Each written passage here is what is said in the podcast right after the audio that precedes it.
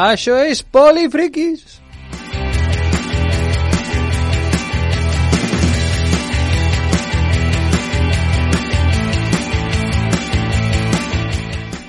És dimarts 4 de maig, i què passa cada dimarts 4 de maig? Em Doncs pregunto així en general. fàcil. No, no, Andrés, Andrés, jo ja sé per on vas, però t'ho canvio. Ah, què ha Diràs passat? ara, no sé què de Star Wars i May the Force be May the. Force, avui és el No, 4 no, de maig. no, no, no, no, no, No? no, no, el 4 de maig passa una cosa molt més important que això. No sé, no em puc imaginar què, què pot ser. Què, què se celebra? Ha eleccions? Eh, què, què, què... No, que és l'aniversari del nostre company, el Marc Travé. O el, el nostre... un- un aplaudiment pel oh, un Marc, aplaudiment pel Marc, un aplaudiment pel Marc Travé. Bravo, bravo, Marc. Yo en un día como hoy creo que lo que hay que decirle a Marc es larga y próspera vida. No, no, no seria el dia per dir això. Algunes paraules, eh, ara que estàs apropant a la senectut, eh, Marc? Pablo del Canto, Pablo Jiménez, Andrés, és un privilegi estar amb vosaltres en aquest programa. Em sembla Bueno. que de larga i pròspera vida no li agrada molt, Millán. No sé, no ho sé. En qualsevol cas, és 4 de maig, és l'aniversari del Marc, i se celebra també el May the Fourth, ja sabeu, 4 de maig, May the Fourth, aquest joc de paraules en anglès que ens recorda eh, a la frase original en anglès de que la força ens acompanyi, de les pel·lícules de Star Wars, i s'aprofita per, per celebrar el dia de Star Wars, un dia eh, clarament polifriqui, un dels temes que més parlem habitualment en aquest eh, programa, no? en aquest que ja sabeu que ens dediquem a la ciència-ficció, la fantasia, els jocs de rol, eh, jocs de taula, tots aquests temes que considerem friquis i un d'ells, per excel·lència, és Star Wars. De manera que, com deia el Millán, llarga vida i prosperitat, i comencem amb el programa, i comencem avui parlant de sèries i de cinema.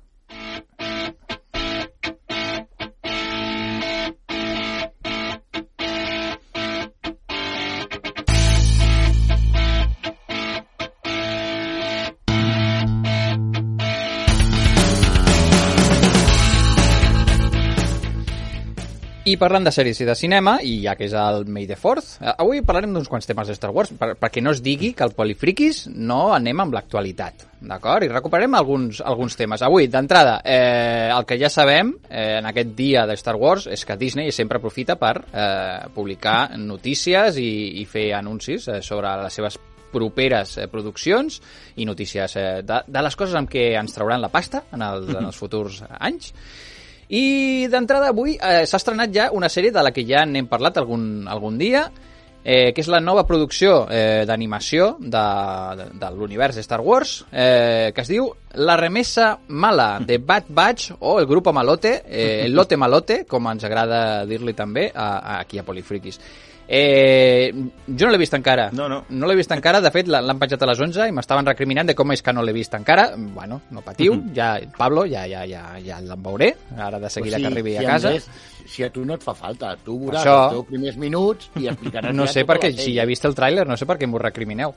Exacte. En qualsevol cas, eh, la remesa mala, el primer capítol, ja el podeu veure a Disney Plus. Avui vas per celebrar aquest meravellós dia. Encara queden uns, uns minutets per acabar el dia, de manera que podeu aprofitar aquest 4 de maig per veure el primer capítol de La remesa mala, que per si no ho sabeu, és eh, una, una continuació de, de la sèrie eh, de Clone Wars, aquella sèrie d'animació eh, molt estimada per una part del fandom de, de Star Wars, que agafa eh, el període entre a partir de, de l'episodi, aquella preqüela, l'episodi 2 de Star Wars i el el 3, eh, com fer un lligam, i són totes les aventures, bàsicament, principalment eh, d'Anakin Skywalker, eh, Obi-Wan Kenobi i la Padawan d'Anakin, que és Ahsoka, però també de tota una sèrie de personatges secundaris que van guanyant eh, protagonisme al llarg de la sèrie, d'aquestes Clone Wars, aquestes, aquestes guerres clon, eh, fins que realment eh, els clons, per exemple, que, que a les pel·lícules apareixen com unes figures sense cara i sense... són clons, són tots iguals, doncs descobrim a través de la sèrie que tenen tots ells una personalitat cadascun diferent. Amb, amb, amb, amb, encara que els han criat a tots ells en un laboratori i tots han, han tingut un entrenament militar similar, doncs, com a qualsevol exèrcit, tots, doncs són personetes, i fa, fa coseta. Llavors, a, a mesura que vas veient la sèrie, hi van morint molts d'ells, que és, és, és bastant trist, també, i perquè és una guerra, és una sèrie bèl·lica, i que passa, és un conflicte bèl·lic, eh, armat i polític. Eh, vas conèixer-los i vas agafar-los molt de carinyo. I al llarg de les temporades eh, anem coneixent a diferents d'aquests eh, soldats clon i en una de les darreres temporades, concretament a la darrera temporada de Clone Wars, apareixen uns personatges que són ara els protagonistes d'aquesta nova sèrie, que són Eh, una sèrie de clons que tenen eh, alguna característica que els fa eh, que són descartables. Més aviat, eh, que mm, per alguna mutació o per algun error en la fabricació d'aquests clons resulta que, que no són iguals que els seus germans clons. I això, eh, en lloc de, de llastrar-los, al contrari, eh, han aconseguit doncs, una sèrie d'habilitats eh, diferents i els converteix en un grupet que s'ajunten cinc, eh, cinc eh, soldats clon amb, com si fos l'equip A. Jo ho veig molt, aquesta sèrie va, és l'equip A. És clarament l'equip A amb clons. No sé, Millán, si a tu et sembla el mateix, però a mi... Bueno, también está esta referencia de un juego que hicieron para PC que estaba muy bien, que se llama el Republic Commando. Mm, También també. estaba formado por una unidad en que cada clon tenía como unas habilidades especiales. En aquests a la remesa mala, aquest, eh, aquests clons defectuosos que es dediquen a fer les missions més perilloses i més arriscades i més boges i resolent-ho a lo loco i tirant-se sense por a la mort eh, durant totes les guerres clon. Al final, al final de, de les guerres clons, que ja sabeu el que passa, l'ordre 66, i que els clons, eh, lamentablement, reben l'ordre d'acabar amb els, amb els Jedi, Bueno, yo no estoy muy seguro de que los Jedi fueran los buenos en la Bueno, historia. en qualsevol, bueno, en qualsevol cas, l'imperi eh, dona l'ordre, el, el, el, el Sí. que seria després l'imperi, l'emperador, el nou emperador, eh, dona aquesta ordre, els clons, per una programació que tenen, eh, resulta... Estic fent spoilers a saco de Clone Wars, però és igual. Estic mm, localitzant eh, on- anem amb això de la remesa mala. La qüestió és que els clons eh, estan programats per, per obeir i trair els que eren els seus aliats, els Jedi, però aquesta remesa mala, com que són defectuosos, doncs no tenen aquest xip. O sigui que, de manera que van al seu rotllo, i aquesta sèrie va precisament de què passa amb, aquests, eh, amb aquest grupet d'elit, amb aquesta tropa molt boja, eh, després de la guerra i quines decisions decideixen fer que jo crec que eh, no aniran en favor de l'imperi, sinó que més aviat eh, es, es converteixen en un grup de resolviendo problemes com l'equip A, bàsicament, al, al llarg de la galàxia. Jo li tinc moltes ganes aquesta nit, de seguida que, que arribi a casa, eh, me la penso posar, no sé vosaltres. Sí, además no hay, ahora mismo no hay muchas más novedades de los fans de Star Wars, ¿no? Así que tendremos que ponernos con ella. Doncs molt bé, mira, ja tenim una cosa eh, per recuperar. També eh, tenim alguna altra cosa per recuperar de Star Wars, però ho deixarem més per al final d'aquesta secció, perquè tenim altres moltes coses, perquè eh, no contenta amb el May the Force, Disney, eh, ja sabem que li encanta fer anuncis i darrerament està molt a tope, a, també amb Marvel, i ha publicat una sèrie d'anuncis i d'avançaments del que serà l'MCU, de l'univers cinematogràfic de, de Marvel, que el Marc té moltes ganes de comentar-nos. Aviam, bàsicament eh, han demostrat que hi ha una cosa en la que excel·len espectacularment, que és en el màrqueting, i eh, han fet un vídeo amb, amb la versió original crec que l'he vista subtitulada però no doblada al castellà amb, amb la veu de, de Stan Lee, suposo que reproduïda per ordinador jugant amb, ajuntant coses Mm. però eh, ens han colat un vídeo d'uns 3 minuts i mig, una cosa així, en el que el primer minut i mig mm, et fa el recordatori eh, vincle emocional d'aquestes primeres tres fases, no? la fase 1, 2 i 3 de, de l'univers Marvel, amb totes les pel·lícules de com van començar fins com arriben al, a l'endgame, i mm, seguidament han llançat tota, tota la remesa de, de pel·lícules que estan, que estan a punt de llançar. És un, és un trailer que no té en compte les sèries que, que hem estat veient a Disney Plus, com WandaVision o uh, l'Halcón i Soldado d'Invierno o la que ha de sortir ara de, de Loki,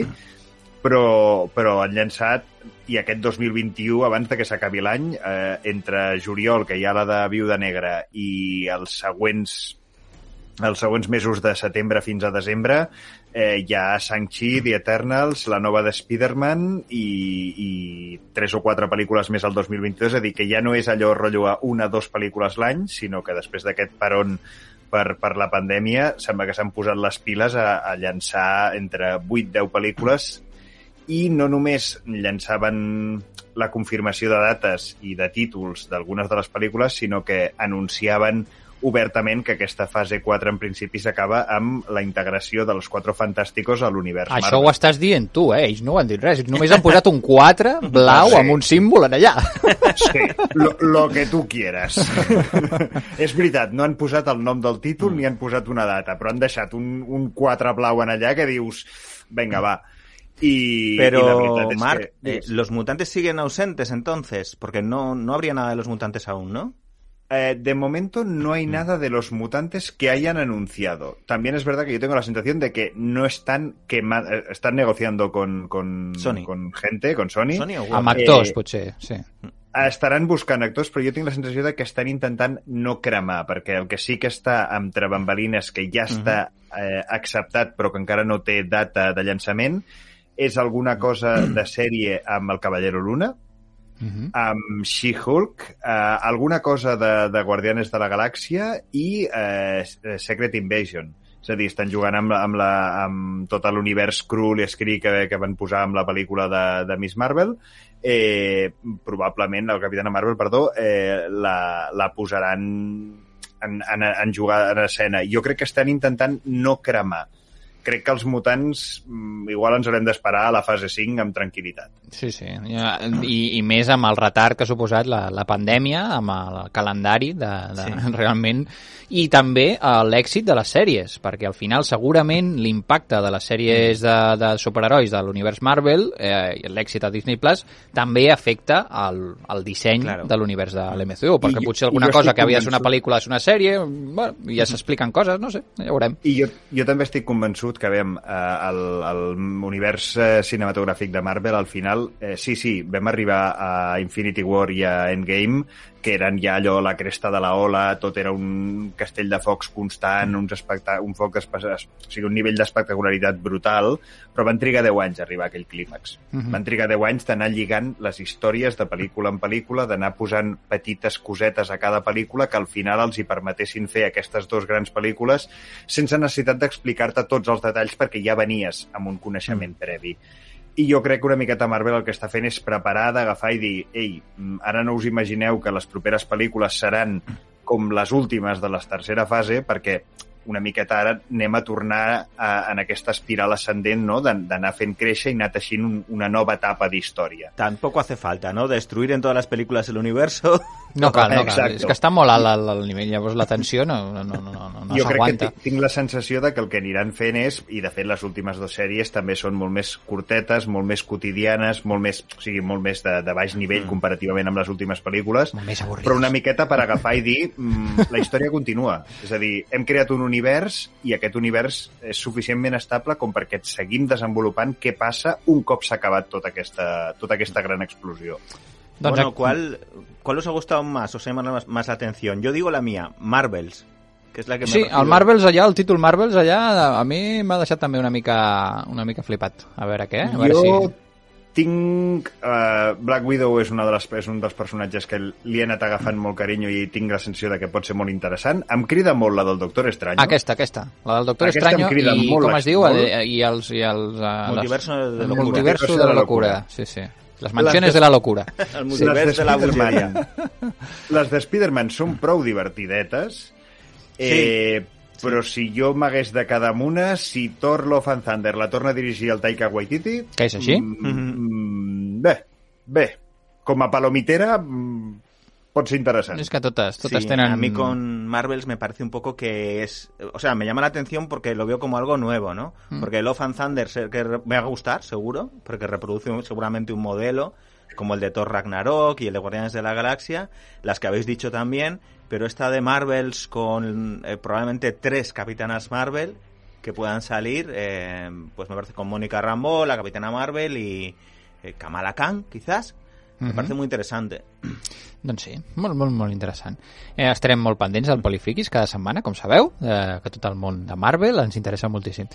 Eh, però no només de superherois i de Disney, eh, d'aquesta megacorporació, eh, viuen els polifriquis i les polifriquis, perquè també hem vist unes altres coses, no, eh, Millán? Eh, Pues sí. Tu has, has, has engegat HBO a, ve- per veure altres coses, també, eh? Sí, sí, sí. A veure, Eh, hablamos eh, del mundo así más steampunk. el que Eh, este, sí, el mundo steampunk este de la época victoriana, Venga. mezclado con inventos y científicas locas y superheroínas victorianas. Me interessa. ¿Te suena bien? Sí, sí. Vale, eh, pues mira, esta es la nueva serie creada por Josh Whedon, aunque de hecho el, el- el creador de la serie, que es él, ha sido un poco apartado de la producción Mm. y ahora ni siquiera aparece en el marketing de la misma en HBO, eh, probablemente porque ha tenido bastantes problemas en, del tipo de denuncias así, de que era bastante Una mica tirànic. tirànic. Sí. en- No, no en és la el- primera el vegada set. que ha Mm. rumor.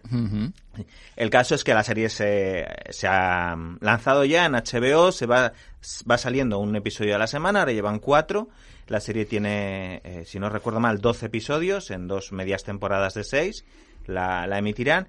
Y la premisa es que en- hay un momento de, la, de, de esa Inglaterra victoriana, finales del siglo XIX, en el que sucede un evento en, en Londres y eh, hay una serie de personas, un número grande, no, sé, no se sabe cuántos, pero unas decenas, unos centenares de personas que adquieren dotes extraordinarias. Eh, La- una la verdad, de poderes perdona que te- mutantes. perdona que te corte, pero últimamente ¿no tenéis la sensación de que hay como una campaña de series fantásticas para no visites Londres? Pot ser, eh? Sembla que sí, eh? No, no, no, no acaba... Acaben... Passen moltes coses a Londres. Sí, sí, és veritat. Sí, supongo que es un poco... También se echa de menos, ¿verdad? Quizás algo más que sea igualmente steampunk y victoriano, pero que no sea en Londres. No se estaría mal un poco de multiculturalidad. Pero bueno, esta serie de The Nevers, que se llama, eh, habla de estas elegidas, como las llaman en la traducción al castellano, que son, pues eso, sobre todo mujeres, hay algunos hombres, pero son mayoritariamente mujeres, que han adquirido grandes eh, capacidades sobrenaturales. Eh, hay una que es una super inventora, como sería el, el profesor Richards, el Richards de los Cuatro Fantásticos, que lo puede solucionar todo con su superciencia. Hay una, una mujer de 5 o 6 metros de alto, una chica gigante. Hay otra que puede ver el futuro. En fin, son como poderes así bastante, bastante llamativos que, claro, en la rígida sociedad victoriana controlada por los hombres, pues se considera una terrible amenaza para el status quo, ¿no? Y para la propia civilización y el imperio británico. Y eh, trata sobre eso, o al menos son lo, lo que se ha planteado en la serie, es eh, pues un poco la idea que había también en Civil War de los Vengadores, de hay que controlar a estas mujeres, hay que tenerlas dominadas porque no pueden andar libremente y hacer lo que quieran. Esto se, se junta un poco con que era la época en que se, las mujeres empezaron a, a organizarse y a luchar por, por sus derechos. Primero el derecho al voto a través del movimiento sufragista. Mhm. Eso también aparece un poquito en la serie y, y bueno, eh, al final también es muy una serie muy buena en el sentido de personajes. O sea, personajes con características muy marcadas y que la, la trama va fluyendo a través de, de cómo se relacionan y cómo interactúan. Sí, és la marca de la casa, des de Sí. Buffy cazavampiros a a Firefly o Mm. fins i tot la pròpia pel·lícula de, de The Avengers, de Los Vengadores, no? Sí. Molt bé, molt bé. Doncs una llàstima que...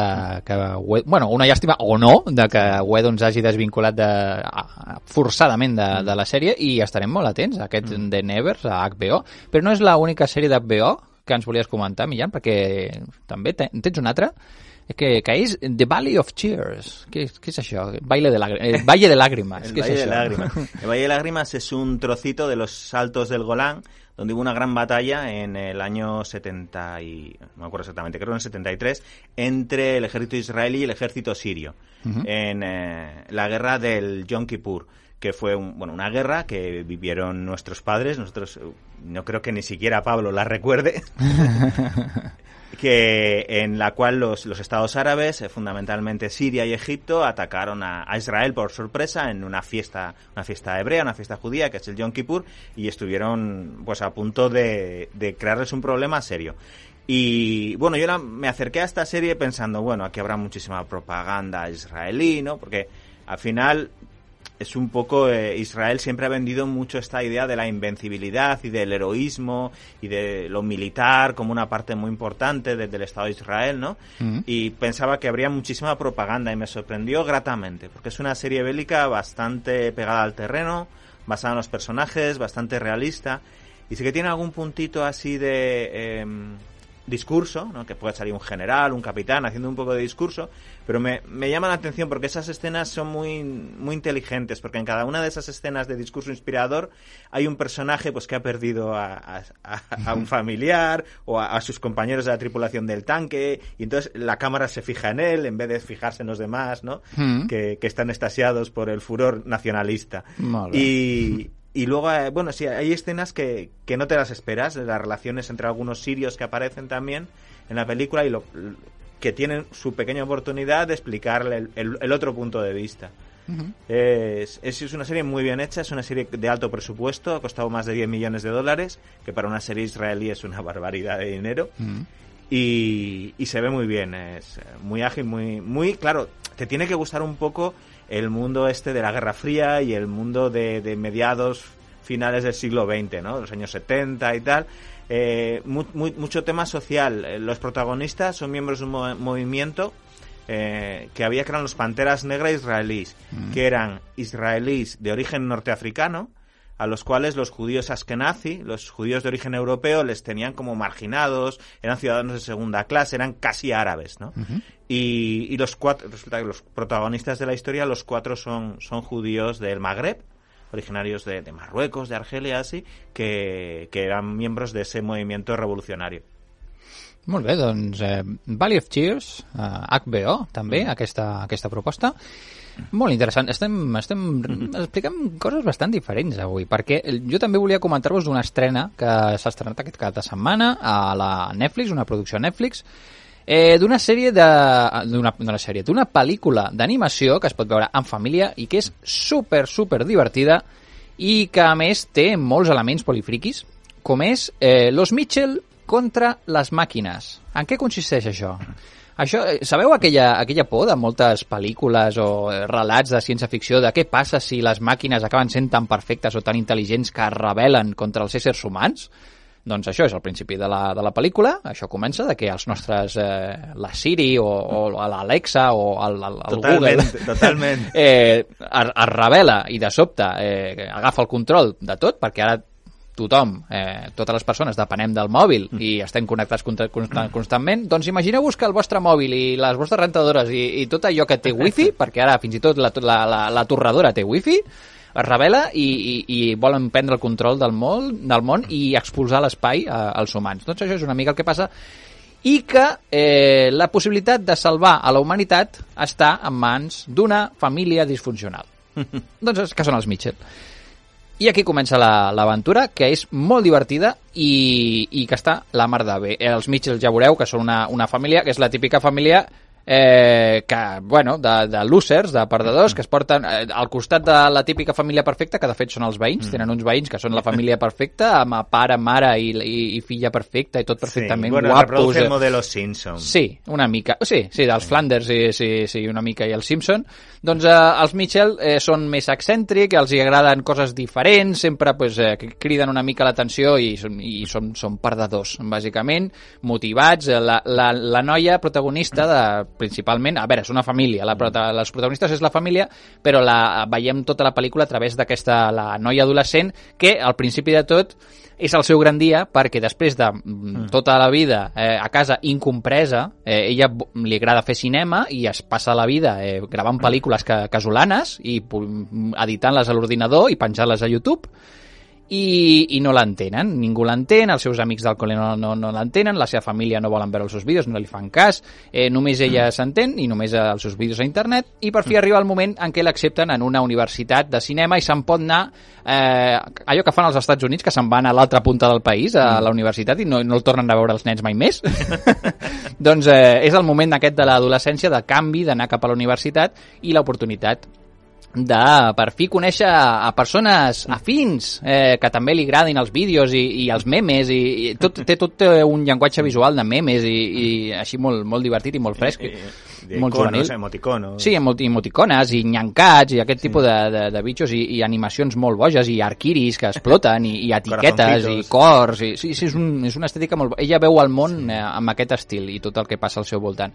Doncs el dia que, que, que passa això, que se n'ha a la universitat, resulta que el seu pare, eh, per intentar reconciliar-se reconciliar-se amb ella perquè no li ha dedicat prou atenció, decideix que en lloc d'anar en avió, que no, que fan un viatge en família eh, tots cinc i se'n van a acompanyar-la i ella, evidentment, no vol això. I en aquest viatge, doncs res, passen coses això, que els robots eh, prenen el control del món i resulta que són l'única família que sobreviu i que pot escapar i que té la responsabilitat de, de salvar el món i de poder evitar aquest pla terrible eh, de les màquines. I en aquest camí, com us podeu imaginar, eh, i no estic fent gaire spoiler perquè és una pel·lícula eh, familiar americana eh, de tota la vida i en certa manera eh, conservadora. Cosa, cosa poc habitual en tu, continua. Eh, evidentment, en aquest camí es coneixeran més entre ells i establiran re, eh, els vincles i restabliran i, i passaran coses maques i ens emocionarem tots i riurem molt, especialment amb el, amb el gos de la família, que és mig gos, mig porc, mig paquet de, de, de, de, de com es diu, de pa de motllo. Els robots no saben identificar què és exactament. Claro, es que los running gags, estos en torno al perro, la familia y tal, están muy, muy logrados, es muy Mm. divertida. Quizás le podríamos decir que es un poquito así demasiado típica o demasiado conservadora en el modelo de familia que presenta. Ah, sí, evidentment és una sí. família de pare, mare i fills, eh, no Però veiem bueno. elements de diversitat més enllà de que sí que són una mica raritos i que Mm. hi ha algun element racial, una mica de diversitat racial, però no, bueno, no hi ha Sí. cap model de família diferent, separats, eh, padre, eh, monoparental, eh, res, amb això oblidem-nos perquè no, no, no va per aquí la cosa. Però eh, realment sí que celebra el fet de que ser diferent i, i, i tenir peculiaritats és bo a la vida, cosa que està bé, per, és allò de la rebel·lió de los nerds, de, dels friquis, de manera que és maca, és una pel·lícula molt divertida per veure en família, riureu molt, i a més, eh, si no us ha acabat de convèncer la cosa, eh, primer, l'equip de producció no està dirigida per, però sí, és el és l'equip de producció que, que ens va portar la Lego pel·lícula, eh, la pel·li de Spider-Man. Eh, Into the Spider-Verse es Spider-Man un nuevo universo. Sí. tradujeron. Sí, sí, sí, sí.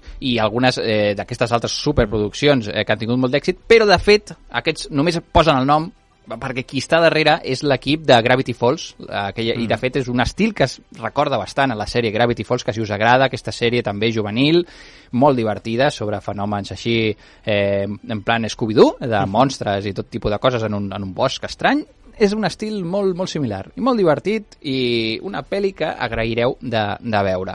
A Netflix la podeu trobar. I jo crec que amb això ja podria, podríem acabar a, a canviar de tema i ens guardarem pel final, si tenim temps, una parleta eh, relacionada amb el, amb el Star Wars Day. Però abans anem a treure els comandaments de la nostra consola i anem a jugar a videojocs.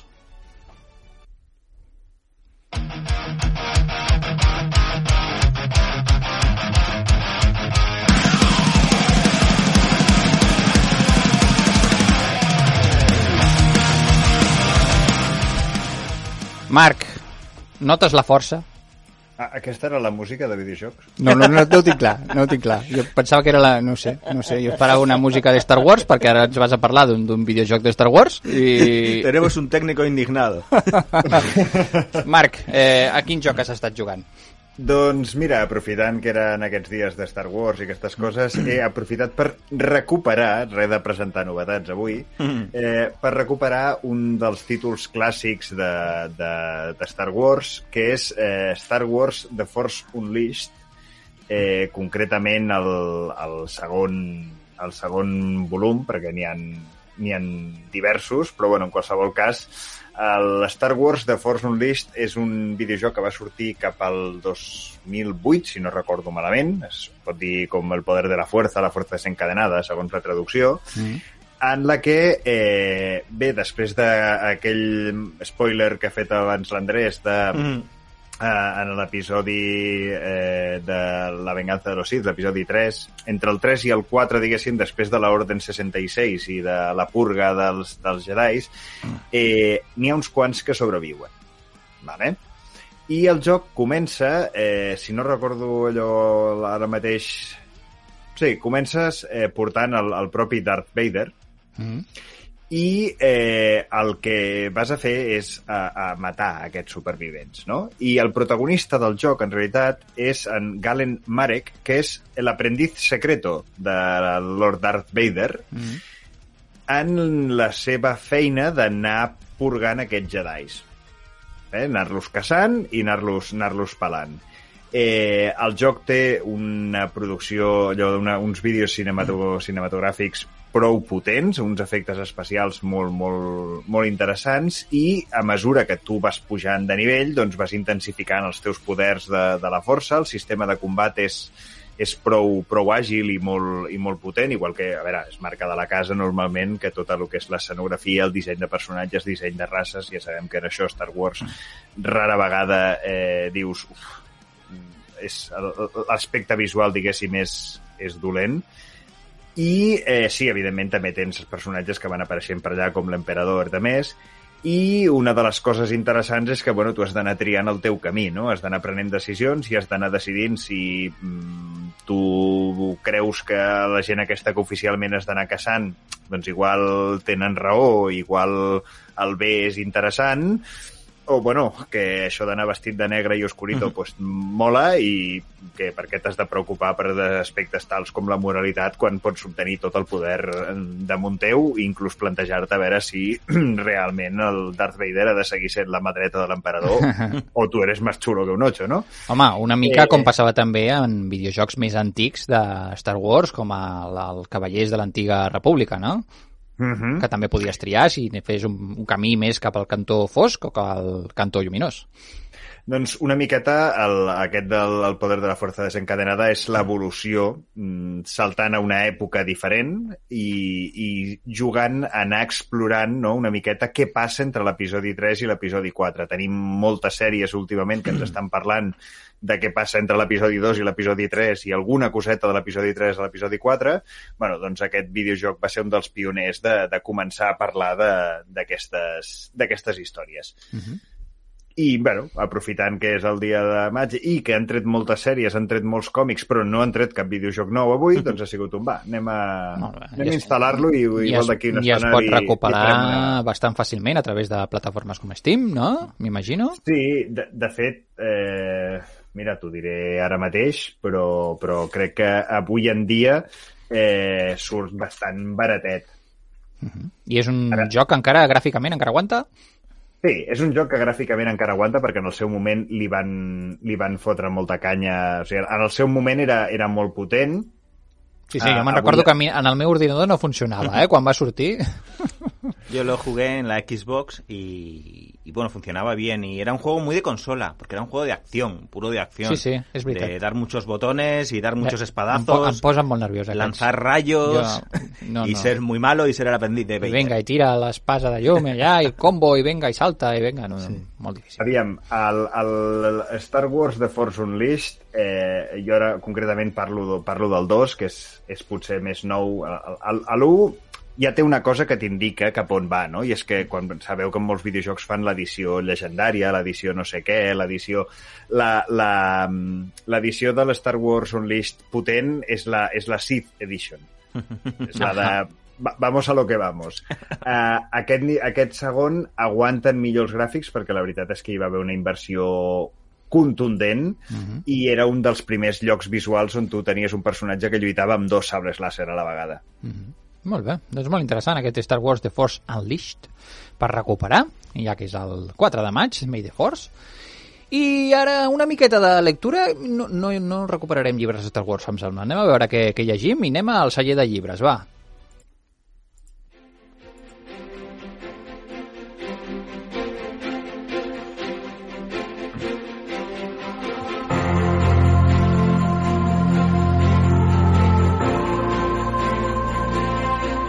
Ai, que maca la sintonia de, de, de videojocs. Eh, anem al celler de llibres, la nostra llibreria de, de confiança, amb el nostre llibreter boig, el Pablo Jiménez, que, com cada setmana, ens portes algun llibre que segurament ens vindran moltes ganes d'aconseguir-lo. Doncs mira, almenys sé d'una persona d'aquí del programa que me'l demanarà segur, o sigui que... Per, ja per què em sento al·ludit quan dius aquesta frase? Perquè parlo de tu, Marc. Bàsicament perquè parlo de tu. perquè, a més, no crec que el Millán ni l'Andrés me'l demanin, em sorprendria, de fet, però tot és possible, tot és possible. Va, tu explica'ns-ho i, i, i, I ho, ho valorarem.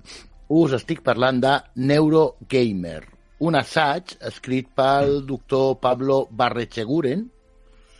Eh, és, un, és un doctor en bioquímica eh, que el doctorat eh, l'ha fet a, amb neurobiologia i tumors cerebrals i el que fa aquest assaig és respondre a una, una premissa, que és el subtítol del llibre, Neurogamer, cómo los videojuegos nos ayudan a comprender nuestro cerebro.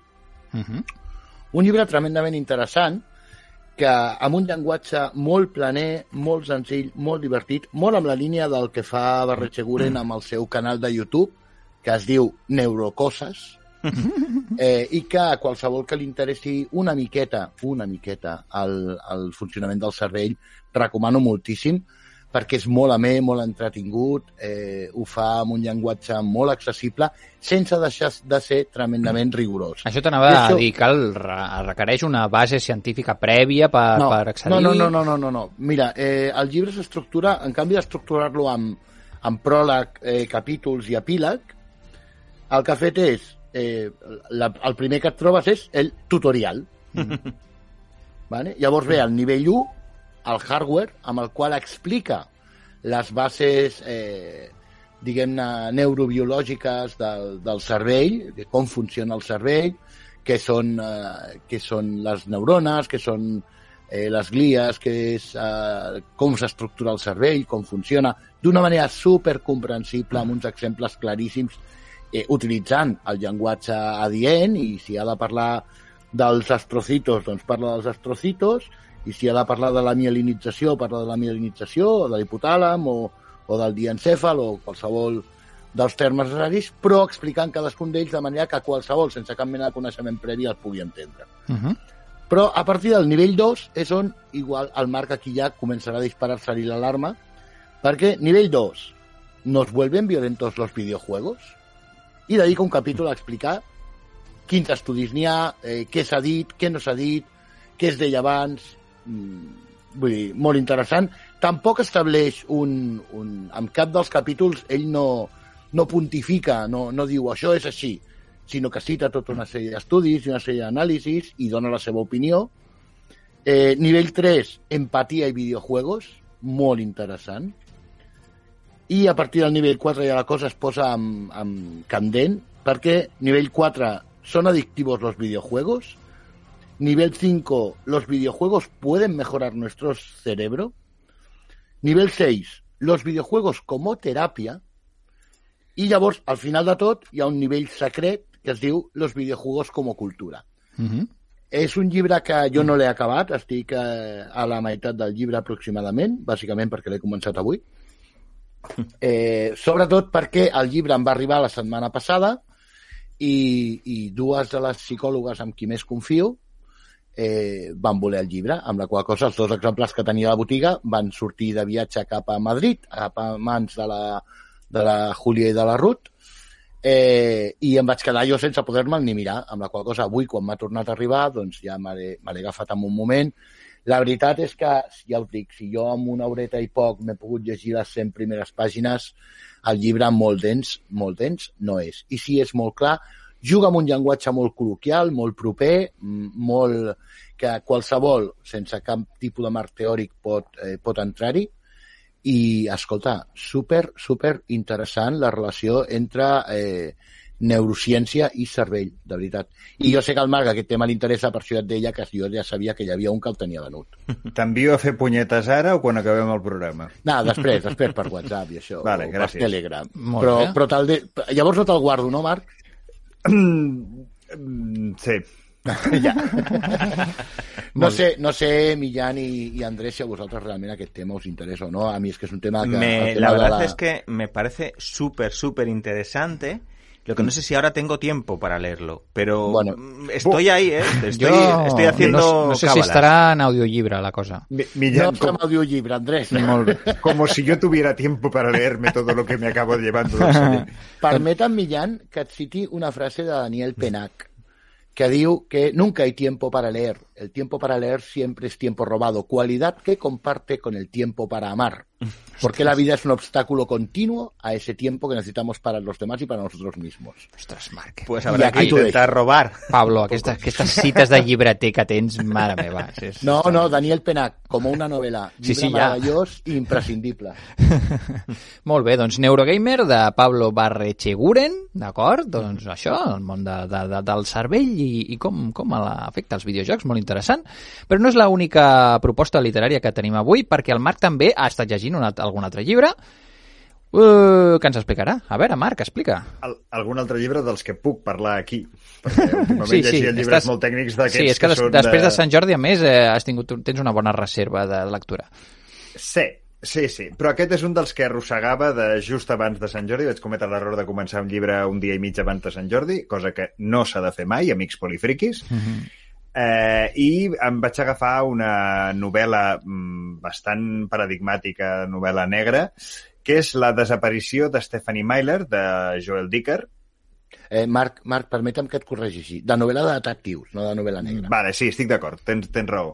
De novel·la de detectius. Eh, L'autor és el guanyador, és, ha sigut eh, pre, del guanyador del Premi Goncourt, dels Liceus de Gran Premi, un dels grans premis francesos. Mm -hmm. Eh, la veritat és que està prou ben escrita, és, és un totxo, són al voltant de 600 i pico pàgines, les coses com són, però eh, la història comença amb un cas, i amb això estic explicant a les 50 primeres pàgines, que sobre 650 doncs és com els primers 10 minuts de, de la pel·lícula, eh, el 1994, a l'estiu, en un poblet idíl·lic eh, dels Hamptons eh, novaiorquesos, eh, hi ha un quàdruple assassinat, no? Eh, mor l'alcalde, la dona, la criatura, una, un potencial testimoni que estava fent running per allà al davant, i eh, el detectiu que va investigar, eh, un dels policies que va investigar aquell cas, diguéssim, està a punt de retirar-se i en aquell moment apareix una, una periodista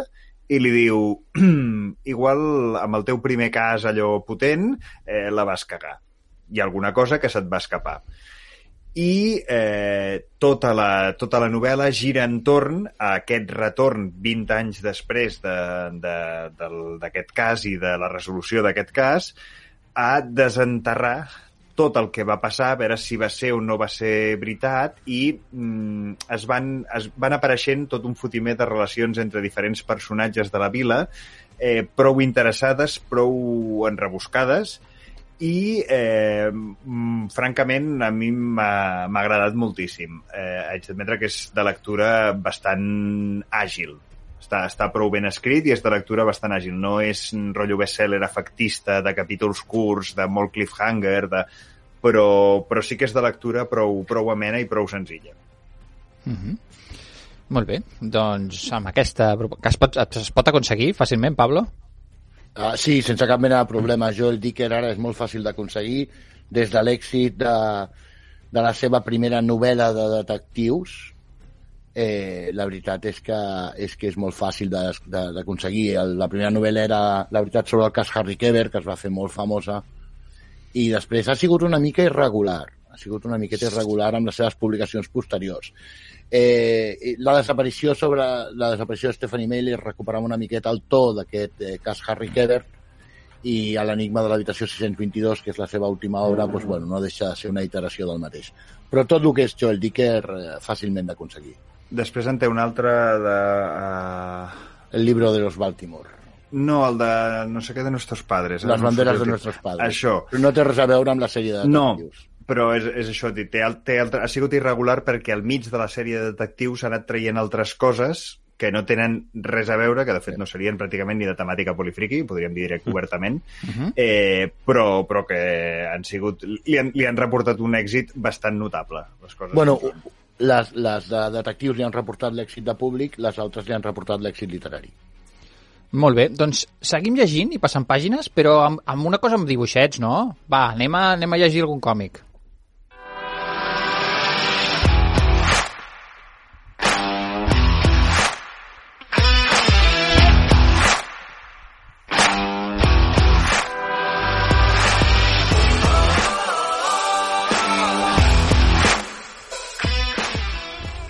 Pablo, un còmic, va, que, que, que puguem gaudir aquesta setmana. Doncs mira, Planeta acaba de, de treure, de fet ens ha arribat avui a la llibreria, eh, Hay algo matando niños. Ai, em recorda, ah, em recorda el títol d'aquella pel·lícula de Chicho Ibáñez Serrador. Allò sí, de pues, bueno, ¿quién, puede matar un niño? Sí. Per aquí va la cosa, per aquí va la cosa, amb un, amb un toc més fantàstic. És una obra que publicada originàriament al, per Boom Studios, un, una d'aquelles editorials que no té el predicament de Marvel o de DC, però que està afiançant-se amb el mercat del còmic americà. Eh, bueno, guionitzat per James Tinion Quart i dibuixat per Werther de Heredera. Eh, una obra de terror eh, amb una caçadora de monstres Home, sobrenatural. Aviam, amb carinyo, amb el títol... Sí, era d'humor no sonava. Era fàcil, era fàcil. I l'ha publicat amb un volum que recopila, recopila els cinc primers episodis d'aquesta sèrie, eh, un còmic fosc, eh, amb un puntet dur, amb una protagonista, o sigui, aquí la, la protagonista absoluta caçadora de monstres és una noia, eh, amb un passat fosc i que no sabem res d'ell, que arriba a un poble amb el qual hi ha alguna cosa que està fent desaparèixer nens i comencen a trobar-se cadàvers. Uh -huh. Jo el compararia, pels qui hagin vist la sèrie de Sobrenatural, Eh, vale? Sí. pues seria una Buffy però amb la foscor de Sobrenatural. Hmm. Eh, llavors, és, és una proposta molt interessant. Stranger eh, Things? còmic- Eh? Perdona? Stranger Things? No, no, no té cap mena de component de retronostàlgia, Uh -huh. no té cap mena de component tendre com tenia Stranger Things amb, amb els nens. Aquí estem parlant d'una protagonista adulta Mhm. i els nens només són víctimes. De fet, hi ha un adolescent que és qui l'acompanya en aquests cinc primers capítols eh, perquè és qui ha contemplat com, com el, el monstre destruïa i matava els seus amics eh, destripant-los i fent-los coses horroroses, un monstre que els adults són incapaços de veure i no sap ben bé per què fins al tercer capítol. Eh, M'ha semblat molt, una proposta molt interessant com a còmic diferent de lo habitual eh, i contra, completament contraposat al que el Marc ens presenta ara mateix. Doncs sí, eh, no va en aquest sentit ni de lluny, encara que té un component eh, infantil i de denúncia important. Eh, jo vinc a presentar-vos eh, Rumbo a Àfrica, bueno, Lului Nelson, Rumbo a Àfrica, que és el primer volum, ojo, s'ha de, ha de quedar molt clar, de tres autors eh, francesos, el, la, el, el guió, diguéssim, és d'Aurelien Neiret, eh, que és la- l'alma mater del, del còmic, i eh, comença amb una història d'una nena criada en un circ pels fills d'uns domadors de lleons. Vale? Eh, passa alguna no vull, no vull spoilejar la, la història, passa alguna cosa, Sí. i eh, se'n van a buscar eh, més lleons. I en aquest cas se'n van a buscar-los a, a Àfrica. Uh, el cas és que acaben apareixent a la Sud-àfrica de l'apartheid de l'apartheid just en el moment en què el moviment social s'està revoltant contra uh, la, la situació oberta, però mm, encara no ho han aconseguit. Vale? Mhm.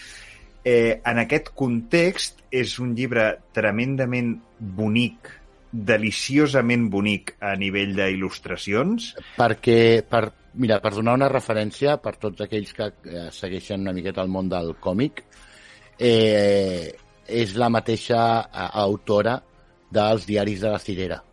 Uh -huh. És una sèrie de còmic absolutament recomanable per tota la família i, i meravellosa i amb una il·lustració increïble. O sigui És- que... Re realment és, és absolutament meravellosa la, la il·lustració, això per començar. El plantejament eh, de la visió infantil enfrontada a un món adult eh, és, eh, a nivell de guió també és eh, espectacular i el com eh, ens anem movent, aprenent a moure'ns en unes regles del joc que no entenem i que tampoc entenem per què li estan donant les prioritats o per què li estan donant la importància als adults a segons quines coses. Eh, hi, ha, hi ha una pàgina d'una conversa entre dos nens eh, sobre el que és el color de la pell que és meravellosa i eh, un còmic eh, que és tant de lectura infantil com de lectura adulta. Probablement de lectura infantil serà recomanable tenir converses al voltant del tema perquè segurament és un d'aquests còmics que faran sorgir preguntes. Eh, A partir jo, de quina edat, recomanat? Jo amb això sóc bastant dolent. Suposo que a partir Ah, dels 9... 8 anys, 8 anys, 9, acu- 8 anys acompanyats, eh, 10 ja en solitari i després fer una bona xerrada.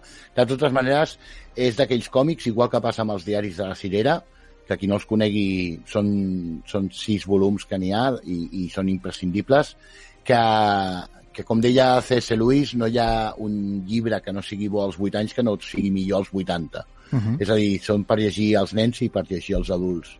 Realment eh, has fet un, un encert amb l'elecció, Marc. Vull dir, bravo. No, jo re- realment el vaig llegir i va ser, ha sigut allò de dir és absolutament meravellós. Molt bé, doncs amb aquesta magnífica proposta, aquests llibres de Lulu Nelson, d'Aurelie Neiret, la il·lustradora, I, uh -huh. i, i no, sé- no sé qui, qui els guionistes no, no els conec, per això. Eh, Girard i Omont. Girard i Omont. Girard i Omont, eh, en aquest cas jo no els tinc localitzats. De fet, és una de les coses que... Perquè el, el còmic l'he llegit aquesta tarda, perquè es llegeix d'una sentada, eh, el tornaré a llegir. No, no, els hi, no sóc conscient de, con, de conèixer-los res més. De fet, els volia investigar, a veure què, què més tenen, perquè el, el, la il·lustració, he dit, és meravellosa, Uh -huh. però hi ha hagut diverses coses del guió que m'han semblat molt, molt, molt, molt, molt potents. Per tant, mm, intentaré investigar-los i mm, presentar-vos a veure què més han fet aquests dos guionistes. Molt bé, doncs si em permeteu, ja que estem a 4 de maig, eh, May the Force, i hem estat fent píndoles de Star Wars al llarg del, del programa, m'agradaria acabar el programa d'aquesta setmana amb una petita recomanació, amb una festa, amb, amb una, bueno, sí, amb una festa de la vida.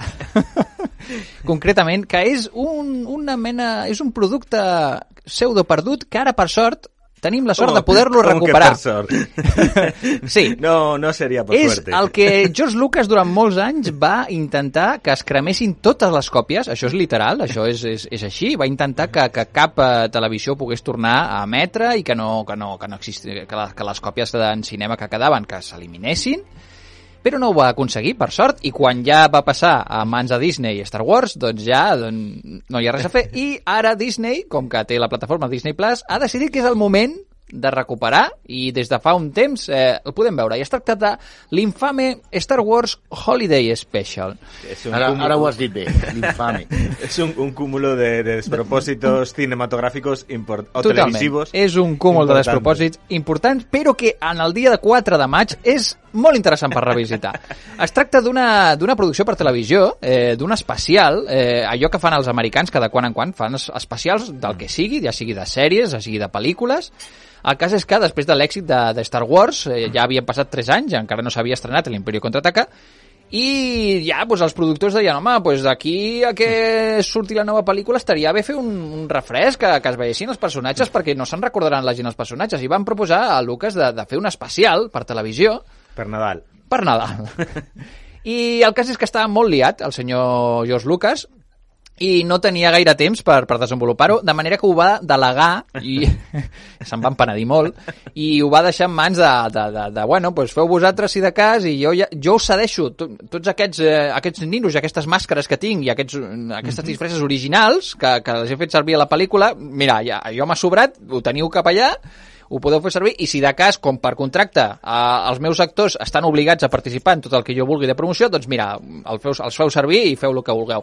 I els hi va donar una idea bàsica que girava al voltant de que, del, del planeta dels Wookiees, de fet, Sí. i de, de, de, és, de és important recalcar que tothom va participar amb un èmfasi i un entusiasme mm, exagerat. Totalment. El cas és que els productors van obligar a, tant a Harrison Ford com Carrie Fisher com a Mark, Mark Hamill Hamill. a participar en aquest infame eh, experiment televisiu que I comptava ells, com a bons professionals, estaven Sí. amb l'actitud Sí, predisposada. imagineu-vos, si ja Harrison Ford de, de sèrie normalment té poques ganes de fer coses, imagineu-vos per una cosa obligat eh, i, i, i que s'havia de posar la disfressa de Han Solo i, i, i posar-se amb una família de Wookiees a celebrar una festivitat una, una lamentable. familia de Wookiee que, bueno, es que es terrible con papá No. Wookiee, mamá Wookiee, Horrorós. niño Wookiee. horrorós, horrorós. I també hi ha números musicals, entremig, que és una de les coses que van convèncer Carrie Fisher, per altra banda, perquè devia estar molt col·locada en aquella, en aquella època, anant amb, amb Jim Belushi i, i companyia, eh, i, i va dir que ella volia cantar. I, i, i la van convèncer així i hi ha un número musical de la princesa Leia amb, amb fondo de croma d'anys 80 eh, No lamentable. Ewoks? Eh, no, no, no, és una... No, eh, el, els eren Ewoks són els que, són els que ballen... eh, Els que ballen. És No, és que els Ewoks encara no existien, era, era 1980, vull dir que encara no havia sortit el, el, el retorn del Jedi. Per si no ho has notat, amb la conya era que a, a, aquells Wookiees... Ah, mm, sí, vale, van ara ho ara ho he precursors de entès. la idea dels Ewoks. Ara ho he Ara, entès. ara, També us he ara. de dir que no sé si, si recordareu, però ja hi havia, en, en la versió que, que va sortir, hi havia un número musical d'una actriu que és Bea Arthur, que és una còmica molt divertida i que també cantava, que era la protagonista de Les xiques de oro. Eh, recordeu? La, la, la, la, la, la filla de, de, de, de la mare gran, aquella, la, era Bea Arthur. Doncs aquí fa un número a la cantina de Star Wars, eh, musical, Bea Arthur cantando en un especial de Star Wars. Què I hay sembla? cortes Ho he dit de... moltes vegades. Tots necessitem moltes vegades pagar una factura. I aquí es va estrenar eh, Boba Fett en Porque, una versió sí, animada. Eso, hay cortes animados, pequeños trozos de, de animación, Hmm. así en los que aparecía por primera vez un personaje que llamó muchísimo la atención por la estética, el casco, los colores. i que se'n van fer ninos, per això, i partir d'aquí, i, i mira, d'aquí a l'èxit. I en qualsevol cas també tenim, també tenim eh, a, a, Harris, a, a Mark Hamill també molt divertit, eh, amb moltes ganes de sortir.